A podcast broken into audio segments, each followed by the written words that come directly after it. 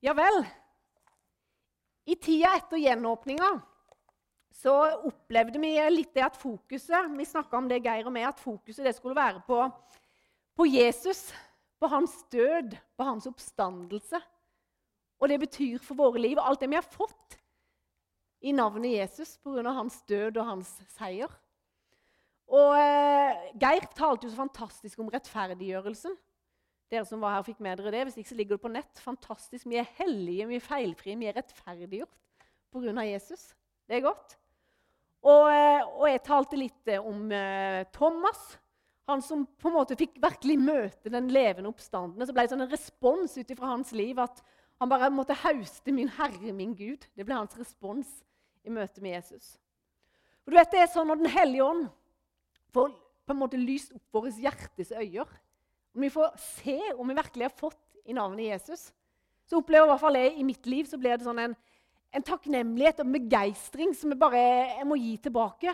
Og da blir det jo sånn at vi har lyst vi har lyst, For Gud er så hellig at vi har lyst til å leve våre liv hellige. Vi har lyst til at han skal få lov å være verdig av alt. For vi har fått lov å se og smake noe av det han har gjort for oss. For meg så ble det en sånn begeistring som skapes inni meg. Vi er blitt satt over fra mørke til lys, fra død og til liv. Det er fantastisk. Vi har fått tilgang til Guds rike. Og det er ikke, det er ikke et lite rike, for å si det sånn. det er det ikke. Og I dag tenker jeg det er viktig at vi har dette i bånden. Alt dette i bånden. At du pga. Jesus, når vi har tatt imot Jesus, så er vi rettferdiggjort. Nåden gjelder. Men så har jeg lyst i dag å snakke litt videre om det som heter sinnets fornyelse. Kan få første bilde, Noah. Sinnets fornyelse det er noe som har jobba i meg i mange uker. Eh, jeg har skrevet på denne talen altså så lenge, og jeg sendte den jo inn en uke siden. Jeg måtte ha den til Vidar. Og det er liksom som jeg har ledd av det. vet du, for jeg, når jeg og Vidar når vi jobba sammen, så var det sånn Men du må huske, Vidar, at uh, det var min tilbakemelding at uh, liksom, uh, ikke tal så lenge. Det kan bli for lenge òg. Så når jeg fikk den i retur nå, du, så var det rett, rett tilbake. Jeg vet ikke, jeg hadde altfor mange tusen ord, og det var bare, jeg klarte ikke å stoppe. Så i dag får dere tilgi meg hvis det blir en litt lang tale. Jeg har korta ned mye. Det har jeg. Men det, det, dette har eh, ligget og brygga i meg i ukevis. rett og slett. Så ble jeg så frimodig når Elisabeth, Elisabeth begynte for noen uker siden. For jeg føler jeg kan få lov å fortsette der hun begynte. Rett og slett. Og noe av det det kommer fra at jeg bærer en nød i meg. En nød om at vi skal få oppleve erfare enda mer det at når Jesus har frigjort oss, så er vi virkelig fri. At vi ikke skal leve våre liv ut ifra sammenligning, ifra frykt, ifra bare bekymring fra alt dette som prøver å tynge oss. At vi skal få lov å leve våre liv i en frihet pga. Jesus. Så i dag så kommer kanskje noen til å bli utfordra litt. Men vær så snill å ikke skru av. For det handler om og det er så viktig å si, det handler om at Den hellige ånd han er den som må komme og forvandle oss. Han er den som må komme med sin lyskaster inn i de områdene av våre liv som han ønsker at vi skal forvandles i. Så kommer jeg til å snakke om både tankene våre og litt om vanene våre. Dere husker kanskje tilbake dere som får mail. Så Bente hun sendte ukesmail for, uh, for litt tid tilbake. Og jeg synes Den var så bra, den historien hun eh, delte der, så den har jeg lyst til å ta en repetisjon. hvis ikke du har fått den med deg. Det var en eldre dame. Hun var en ikke, jeg holdt på å si en hamster, men det var jo ikke, hun var en hamstrer. Det ble veldig feil. Det er to forskjellige ting. Hun var en hamstrer, altså en som samla mye. Hun kasta ingenting. Hun hadde et digert hus. Men det huset det var så fullt av alt mulig at det var bare en smal, smal sti som hun kunne få gått ifra, si, fra første etasje opp til andre etasje. Hun elska minner, hun elska å samle på ting fra barnebarn. Men hun samla på blikkbokser, hun samla på tomme isbokser. hun samla på Alt hadde på en måte en verdi for henne. Så hun samla så mye at det var rett og slett et hav av det kanskje vi vil betegne som søppel rundt henne. Hun hadde kun en liten sti som gjorde at hun kunne komme til loftet. Og Det er jo innlysende at dette var et problem. Mennesker som kom inn på besøk til henne, de så jo at dette var en problem eller utfordring. Det lukta jo til med vondt der. Det var ikke sunt for dama å bo i det miljøet. Men hun så det ikke sjøl. For hun ville ta vare på alle minnene opp fra mange år. Men hun så ikke at det begrensa livet hennes. Huset hennes var i utgangspunktet kjempefint. Men hun kunne ikke få leve og bruke det sånn som det var meint. Hun måtte rett og slett først rydde. Og da skrev Bente så flott. Åssen er det med oss? Kanskje hele dagen, hele året, gjennom mange år.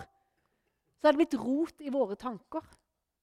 Sjalusi, bitterhet, misunnelse, skuffelser, sår. Frykt, redsel, ensomhet, hardhet. Følelsen av ikke å være god nok. Altså Det har bygd seg opp tanker gjennom år i våre liv. Uten at vi kanskje engang har skjønt det, uten at vi kanskje engang har tenkt over det. Så er de det bare der. Og når det er vanskelig å bli kvitt, så er det rett og slett blitt en del av oss. Det er bare den vi er. Bilde to.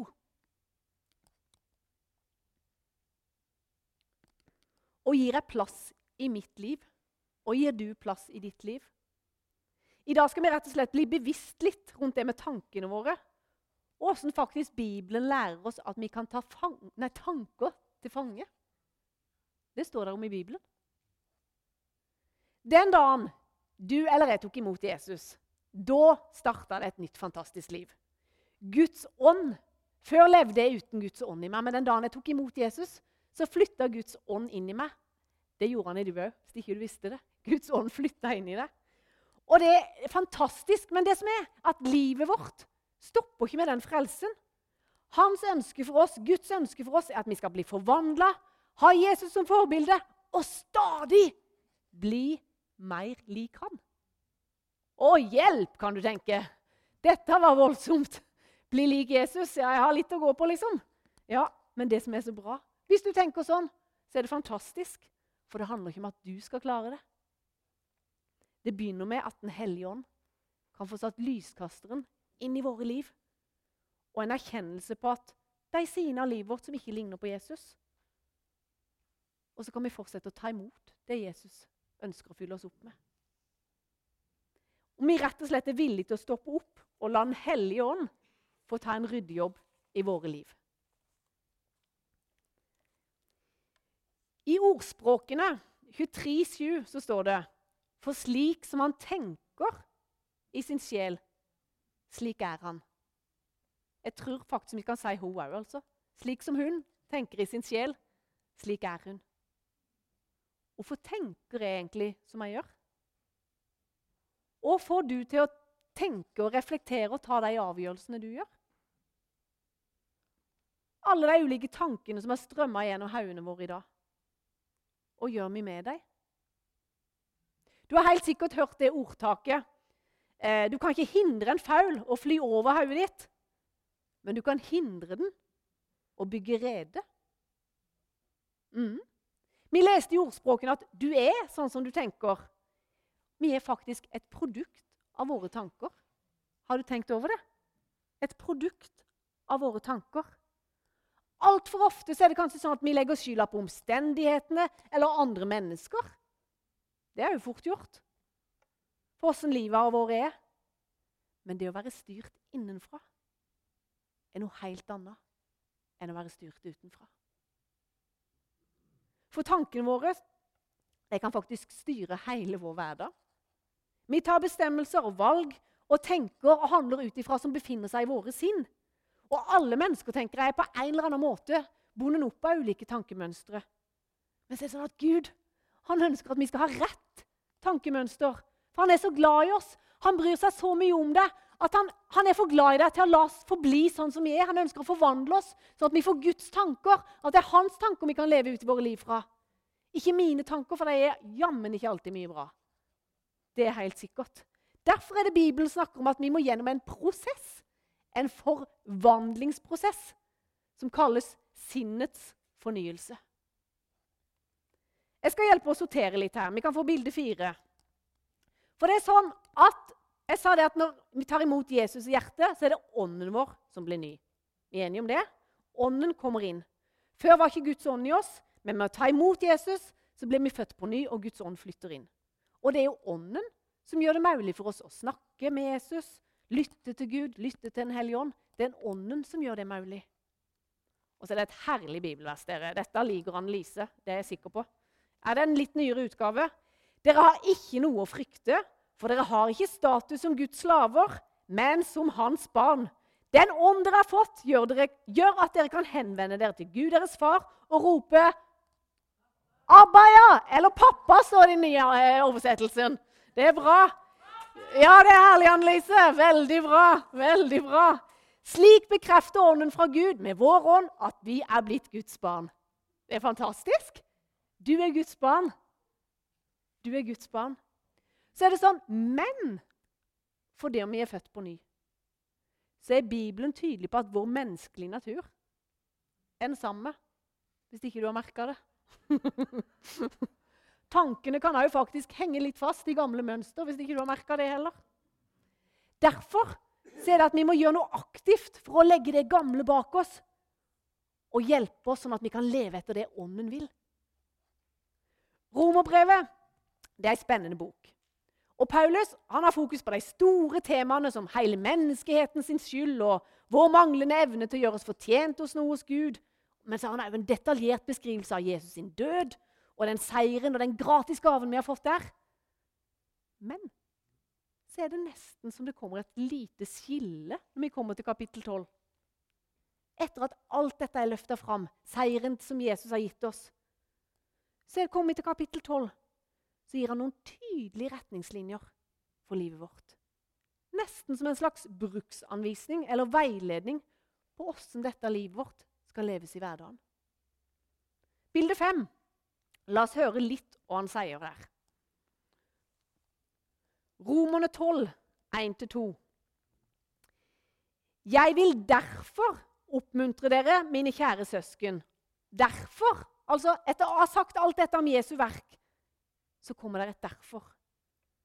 At dere også velger å gi kroppen deres som en gave til Gud. Tenk på kroppen som et redskap for å gjøre Guds vilje. Lev slik han ønsker det. Dette er også en del av deres åndelige gudstjeneste. Vi er ofte for å tenke at nei, dette er jo gudstjenesten. Men vår åndelige gudstjeneste er faktisk når du går ut den døra der, i hverdagen, der du lever livet ditt. Der er en åndelig gudstjeneste. La dere ikke påvirke av denne verdens tenkemåte. Veldig bra, Ove, det du var inne i innledninga. Fantastisk. Dette går jo rett inn. Men sørg for at dere stadig får himmelske impulser. Jeg synes Det er fantastisk skrevet i den nye. Himmelske impulser. La Gud påvirke deres måte å tenke på, slik at dere til enhver tid kan vurdere hva som er Guds vilje med deres liv. Det gode, det som gleder Gud, det fullkomne. Altså, det begynner med tankene våre. Ånden vår er født på ny, men tankene, sinnet vårt, der trenger vi himmelske impulser, så at vi kan bli forvandla. Har du hørt denne? Det begynner med ord, som blir tankene våre. Så styrer gjerne følelsene våre etter. Og så kommer handlingene våre, og så er det blitt vanene våre. Overskriften var 'Skal vi tro på alt vi tenker'? Det er mulig å tro på tankene sine, men jeg vet at i mitt liv så er i hvert fall ikke alle de tankene jeg tenker, de er ikke verdt å bygge videre på. For de ordene eller tankene vi tror på, de blir jo en slags grunnmur i vårt liv. Så styrer vi både følelsene og til slutt handlingene våre etter dem. Derfor er det så viktig at vi av og til stopper opp og spør oss sjøl er dette Guds tanker. Sånn som vi reagerer nå, sånn som vi vil handle nå. Er dette Guds tanker? Og sier egentlig Guds ord i denne situasjonen? Til og med Jesus ble utfordra og frista til å tenke annerledes. Djevelen prøvde å lure ham, vet du. Har Gud virkelig sagt? Har han virkelig sagt? Han prøvde å så tvil, og så prøvde han at det skulle bli fortolka. Jeg vet ikke, Men ofte er det ikke vel at vi begynner å tolke svar og tolke situasjoner vi er i, ut ifra våre følelser.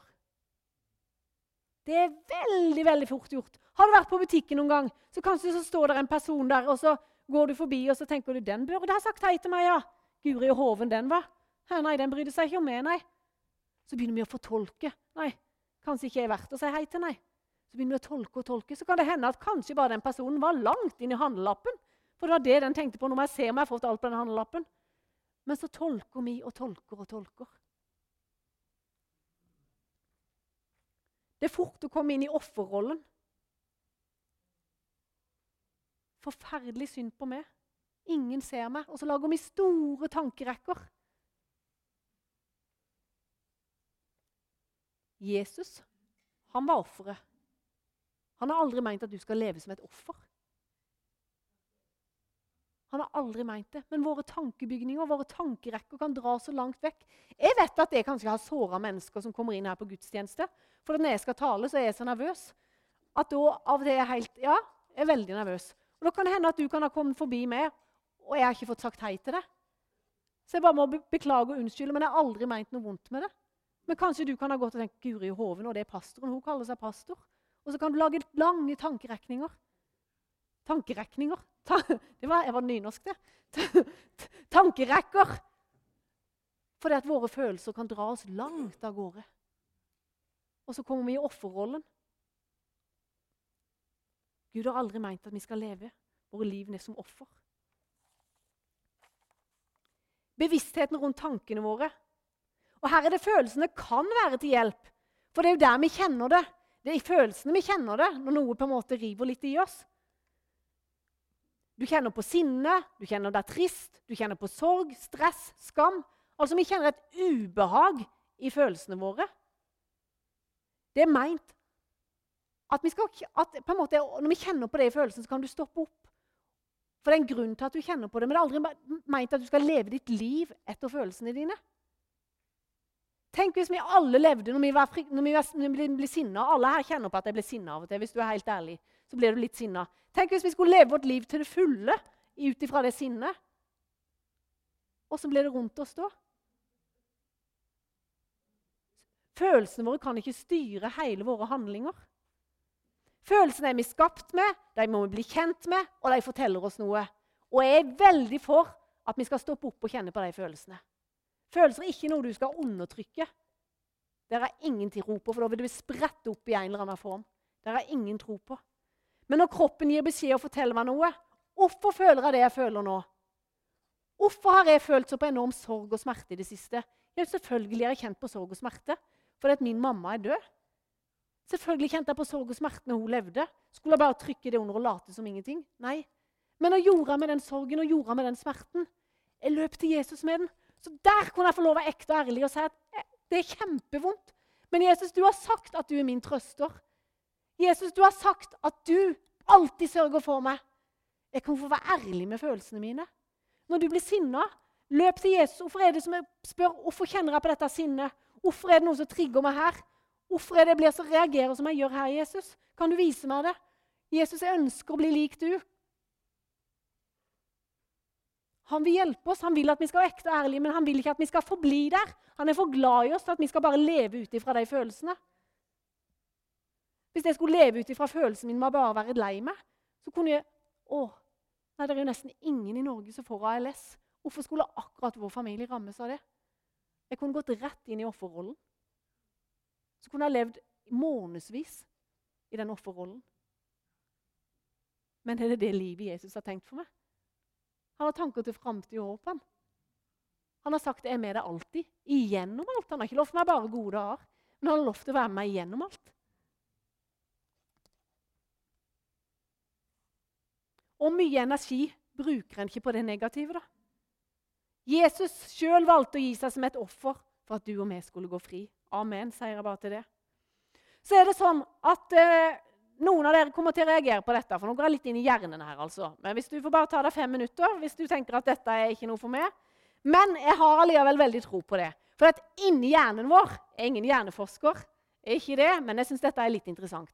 For inni hjernen vår så lages det nemlig stier ut ifra hvordan vi tenker og handler. Det lages stier i våre nervebaner. Nå skal jeg ikke gå inn på nerveimpulser og synapser og alt dette her. Men det lages stier som vi automatisk handler ut ifra. F.eks. den dagen du skulle lære deg å sykle. da. Du kunne jo ikke det med en gang. Du måtte øve, du måtte øve, du måtte få hjelp. Men etter hvert så danna det seg stier inn i din hjerne som gjorde at du kan sykle. Kanskje hvis du skulle prøve noe mange år etter, så ville du geine litt. Men det ville faktisk sitte i det. Du ville klare å sykle. Åssen vi er vokst opp, åssen bagasje vi har med oss, det preger naturligvis våre tanker. Åssen du tenker om andre, det henger ofte sammen med åssen du tenker om deg sjøl. Ditt eget selvbilde. Om du bekymrer deg mye, om du har mye frykt, om du fort tenker det verste i enhver situasjon Det begynner i tankene våre.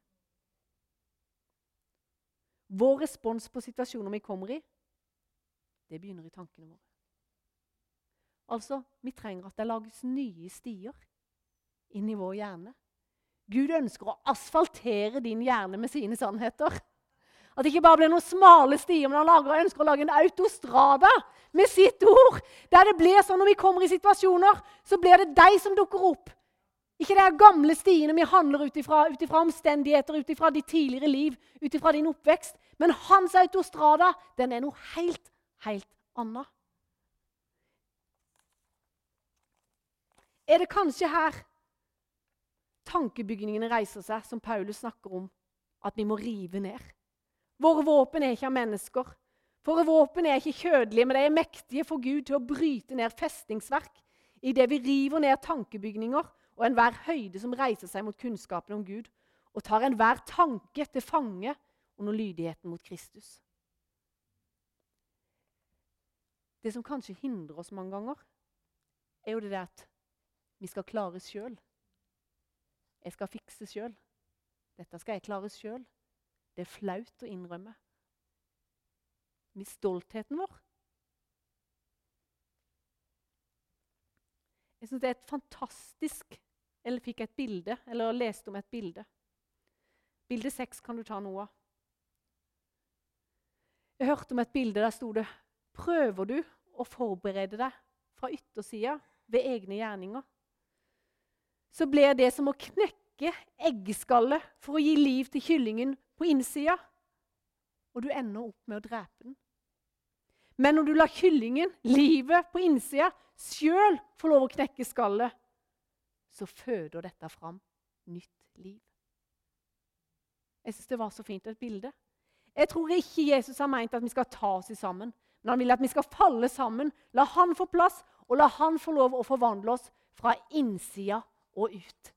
Det er noe helt annet det er ikke noe strev, det er ikke noe lovisk, men det er å la han få lov å få plass. Han som har kraften. Han som er den som kan forvandle. Og det som er så oppløftende, det er jo at Guds ord det er levende. Gud har blåst sin livspust inn i det. Det er levende, det er virkekraftig, det har sprengkraft i seg. Det er livsforvandlende. Og når Guds ord får trenge inn i sinnet vårt, det er da det blir forandring. Og det er da det kan hjelpe oss å skille mellom Guds tanker og våre tanker. Jeg tror vi må ta til oss Guds ord, og jeg tror vi trenger å begynne å bruke det aktivt. Når Jesus ble frista av djevelen i ørkenen, så var han bånnsolid. Ja, men det var jo Jesus. Ja, men du, han var fullt ut menneske òg. Han var menneske. Men han svarte med Guds ord, og djevelen prøvde å lure han. Har Gud virkelig sagt? Men han var bånnsolid. Han brukte Guds ord i svarene tilbake. Derfor må vi bli fylt opp av Guds ånd. Åpne oss for åndens veiledning, hans inspirasjon i våre hverdager. Det er først og fremst Guds ord som kan forvandle oss. Så tenkte jeg på det. Vi har fått dette nye livet tilgjengelig inni oss som små frø. Og de små frøa de er det enormt potensial i til at vi skal bli forvandla lik Jesus. Men de frøa må få lov å vokse fram. De trenger næring. De trenger næring. Og det gjør vi òg bl.a. når vi fornyer våre tanker. Og holdningene våre påvirkes av Guds ord. Og Elisabeth sa det jo så fint når vi aktivt velger, på tross av våre følelser, på tross av det vi kanskje egentlig vil Men Gud, du er hellig, du er rettferdig. Jeg velger at ditt ord skal få rett. Selv om jeg ikke føler for det, selv om jeg ikke egentlig vil det, så er du hellig, og jeg velger å bøye kne. Så får du rett. Vet du, Da tror jeg vi river Guds rike til oss. For vi velger at han får rett i våre liv. Og det gjelder på alle områder i våre liv. Om det gjelder tilgivelse, velger vi tilgivelse, eller velger vi å la bitterheten få rot? Velger vi å være skuffa resten av livet? Velger vi, hvis vi er blitt avvist, velger vi å være Jesus, den som kommer og får bekrefter oss, den som ser oss? Eller skal vi leve resten av livet på at vi blir avvist? Jesus ønsker ikke det. Jesus ønsker ikke det, for han har gode tanker for det. Det er kun han som kan bekrefte deg innerst inne og fortelle deg hvem du egentlig er. Ingen mennesker kan fylle den plassen. Ingen mennesker kan si til du og på en måte få hjertet ditt til å begynne å brenne, og at du skal føle deg elska, annet enn at når Jesus kommer og får bekrefte det.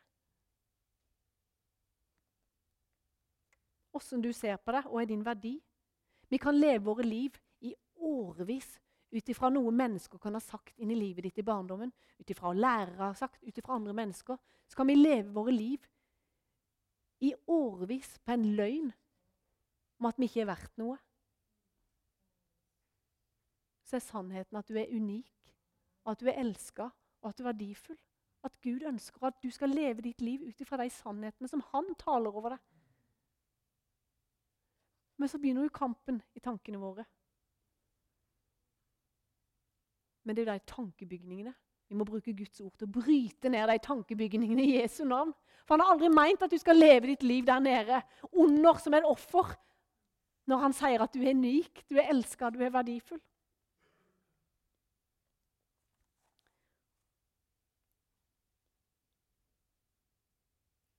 Og tror du om framtida di? Jeg tror vi må lære oss å tenke større enn det vi har opplevd fra før. Større enn det vi føler. For ord og tanker er mektige. Ord de har evnen til å skape, eller evnen til å ødelegge. Og det er ikke sånn at alt vi tenker, er sannheter. Tanken de kan lure oss til å tro noe som ikke er sannheter, til noe som ikke stemmer. Det er derfor vi ikke skal tro alt vi tenker. Men Gud har gitt oss makt over tankene våre, til å ta kontroll over tankene. Han har gitt oss myndighet til å rive ned tanker som har vokst seg store som festningsverk. Og Det begynner med at vi legger merke til tankene vi har og nekter å la dem få rot. Men at vi kan bruke hans ord som våpen, som sverd, til å rive ned de tankebygningene.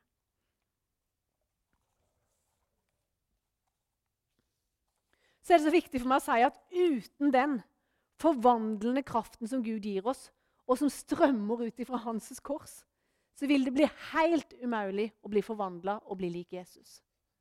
Det er kun den kraften som strømmer ut ifra hans kors, som gjør det mulig. Det er aldri meint at vi skal ta oss sammen. Det er så viktig for meg å få sagt. Men det handler om å la han få rom. At han skal få lov å vokse, og vi skal avta. Vi driver ikke med forelesninger og seminarer her fra talerstolen. Vi forkynner kraften i evangeliet. Det er så viktig. Det er kraften i evangeliet som skal skape en forandring. Ingenting herfra. Ikke våre ord, ikke fine plansjer, ikke fine filmer. Det er kraften i evangeliet som kan virke på våre liv. Og det å bruke Guds ord som våpen, der jeg sjøl erfart at det virker. Og så er det jo ikke heller sånn at jeg er glad i å trene. Men det er ikke sånn at jeg kunne gå i Frolandia én gang, så løper jeg på tredemølla én gang. Så yes, nå har jeg kondis for resten av livet mitt. Det Jeg må gjøre det om igjen. Jeg må gjøre det om igjen. Jeg må bygge gode vaner i livet mitt. Det hadde vært fryktelig enkelt hvis det var sånn, men det er jo ikke sånn. Vi må bygge gode vaner i livet mitt. Ta til oss Guds ord daglig. For at det skal bli mat, for at det skal bli en autostrada som bygges i våre hjerner.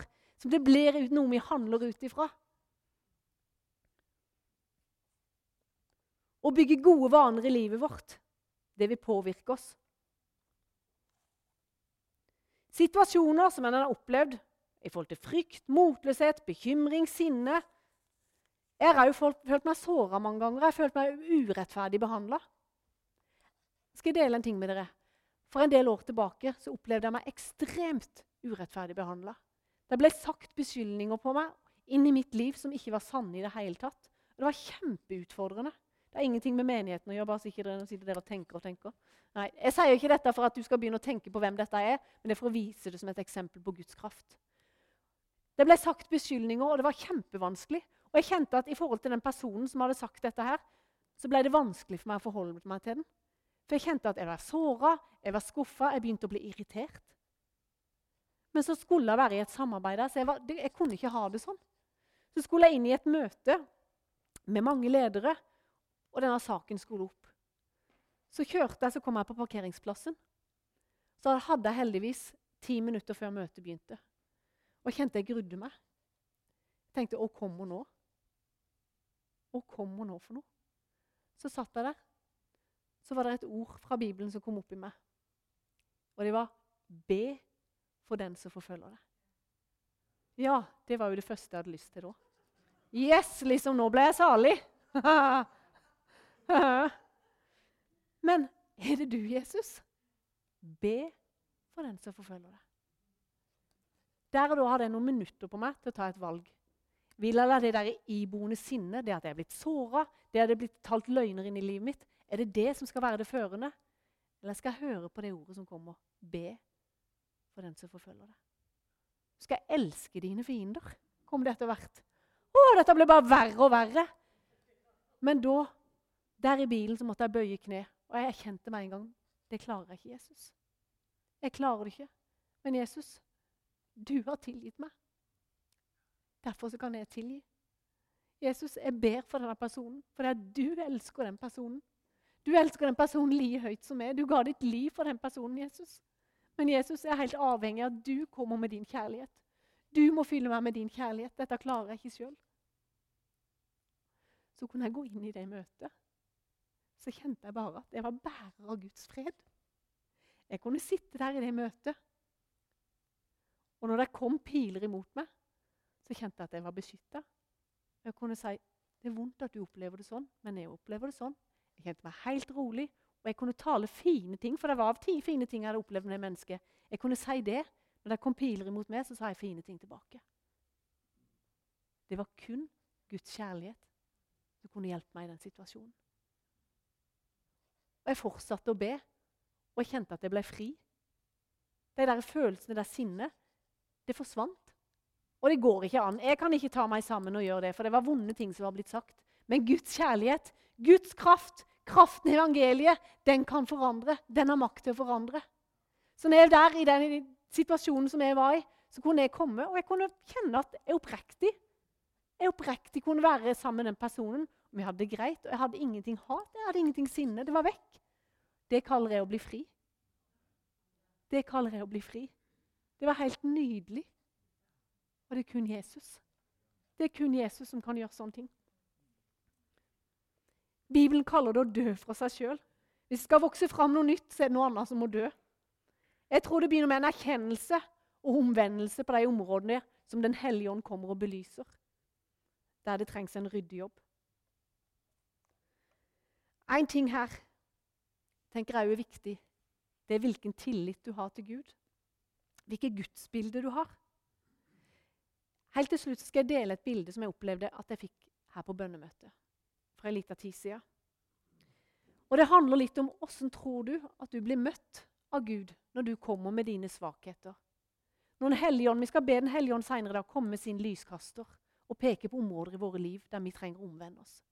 Åssen tror du at du blir møtt av Gud når du kommer med de tingene i dine liv? Vi kan ha ulike gudsbilder.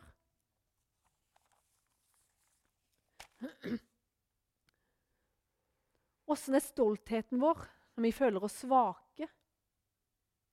Når vi erkjenner at 'dette får jeg ikke til'? Ser vi det som en utvei, som en frihet? Eller ser vi det som skambelagt? 'Nei, dette fikser jeg ikke. Det fikk jeg ikke til.' Tilliten til Gud. Altså, det er skummelt å komme til Gud med alt. Det kan være skummelt, men han ønsker at du skal ha tillit til ham som en god far. Han er en god far som elsker deg, som elsker deg for mye til at han ikke vil forvandle deg. Han står med åpne armer, han ønsker å ta imot deg, han ønsker å bruke tid på deg. Det bildet jeg har fått, vil du kanskje reagere på, for det er et bilde fra en film. faktisk. Jeg vet ikke hvor mange av dere her inne som har sett på Kompani Lauritzen. Men det er en serie som har gått hver, hver lørdag nå i lange tider. Og mange tenker i alle dager kan du bruke det til å fortelle noe om Gud. Nei, det får du spørre Gud om. I hvert fall så opplevde jeg det, og da tør jeg ikke annet enn å være lydig og gjøre det. For det at der er det en type som heter Hulsker. Han hadde enormt panikk eller angst eller klaus, for å si det sånn. Han hadde kjempeklaus. Så blir han bedt om å stupe inn i et mørkt, trangt lite hold. Og De fleste av oss her inne kunne vel kjenne på en klaus i forhold til det. Å skulle stupe inn i det mørket. Det mørket som kanskje Å, åssen vil jeg bli tatt imot? Åssen vil det være? Du skal få se det filmklippet.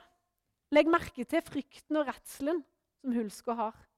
Men legg òg merke til fenriken, som sier grunnen til at jeg bruker tid på det, det er at jeg vil at du skal lykkes. Har jeg snakka sant til deg før? Kan du stole på meg? Vi kjører klippet, og så skal jeg si litt til slutt.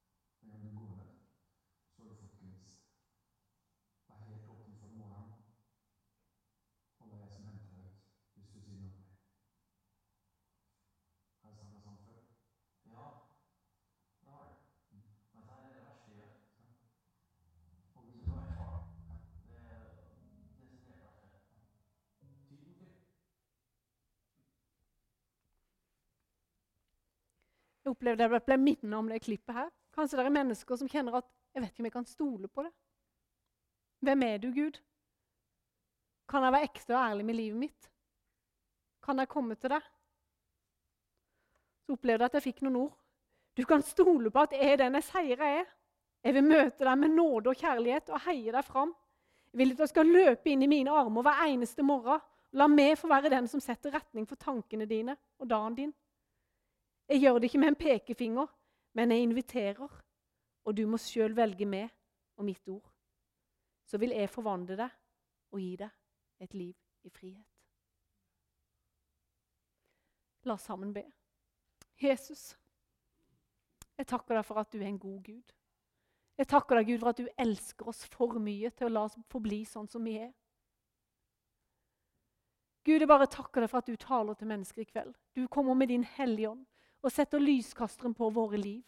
Og peker på de områdene der du tenker at eh, vi ikke ligner du. Gud, du ser det kan være skummelt å være ekte og ærlig, men du kjenner oss jo allikevel. Gud, bare kom med din lyskaster. Takk at du ønsker å forvandle oss. Takk at når vi velger, velger å la du få lov å påvirke oss, når vi velger å la ditt, dine ord fortale sannheter inn i vårt liv, da vil du forvandle oss innenfra og ut. Det handler ikke om at vi skal ta oss sammen, men det er din Hellige Ånds kraft som kan forvandle oss. Og bare takker deg for det, far. Takk at det er derfor så er du så tålmodig i møte med oss. Fordi du elsker oss så høyt. Takk at du ønsker å gjøre oss lik du, Jesus. Så at vi kan vise denne verden hvem du er, Jesus. Denne verden trenger å få møte du, Jesus, som er verdens håp. Og jeg takker deg for at du kan bruke akkurat oss. Jesus. Jesus, jeg ber deg for mennesker her inne, Jesus, som kanskje har levd sitt liv på en løgn i mange år, Jesus. Men Jesus, takk at du kommer og taler dine sannheter inn i deg i dag, Jesus. Hjelp deg til å stole på deg, Gud, og ta imot ditt ord som er sannhet. Ditt ord som setter fri. Mennesker som har levd sitt liv på at ikke de er velska, at ikke de er verdifulle, at de må prestere for at de skal være gode nok. Men jeg takker deg, Jesus, for at du har gjort alt. Jesus, du gjorde alt for oss. Det er din seier, det er din død, det er din oppstandelse. Og det er den som gir oss tilgang til himmelen. Og bare la oss ta imot og få lov å leve våre liv ut ifra det. Jesus, takk at du vil gi oss en ny identitet. Takk, Jesus. Takk for frihet. Takk for frihet til å leve det livet du har kalt oss til å leve. Jesus. Jesus. Å, Jesus, jeg ber deg for mennesker som er fulle av bitterhet. Å, Jesus, jeg bare bryter den giften i Jesu navn og ber om at jeg skal bli fylt opp av din fred, av din kjærlighet, av din tilgivelse. Takk at når du har tilgitt oss, Jesus, det er derfor vi kan tilgi andre. Men hjelp oss til å velge tilgivelsens vei. Og når følelsene våre sier noe annet, så ber jeg om at du må hjelpe oss til å velge tilgivelsens vei. For du har tanker til framtid og håp. Du har ingen ulykkestanker for oss. Jesus. Takk, Jesus. Jesus. Å, bare kom, Hellige. Gjør ditt verk. Kom, Hellige. Kom, Hellige og la ditt ord få sannhet, få rett i våre liv. Skap du en lengsel i oss, far, etter ditt ord.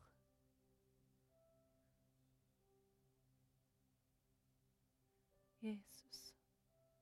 Takk, Jesus, at du har gitt oss våpen til å bryte gamle og negative tankemønster. Tankemønster som ikke er ifra du. Å, jeg bare takker deg for det våpenet du har gitt oss.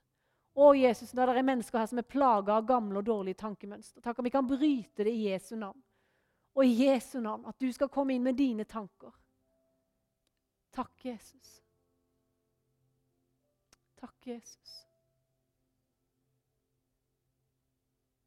Takk, Jesus.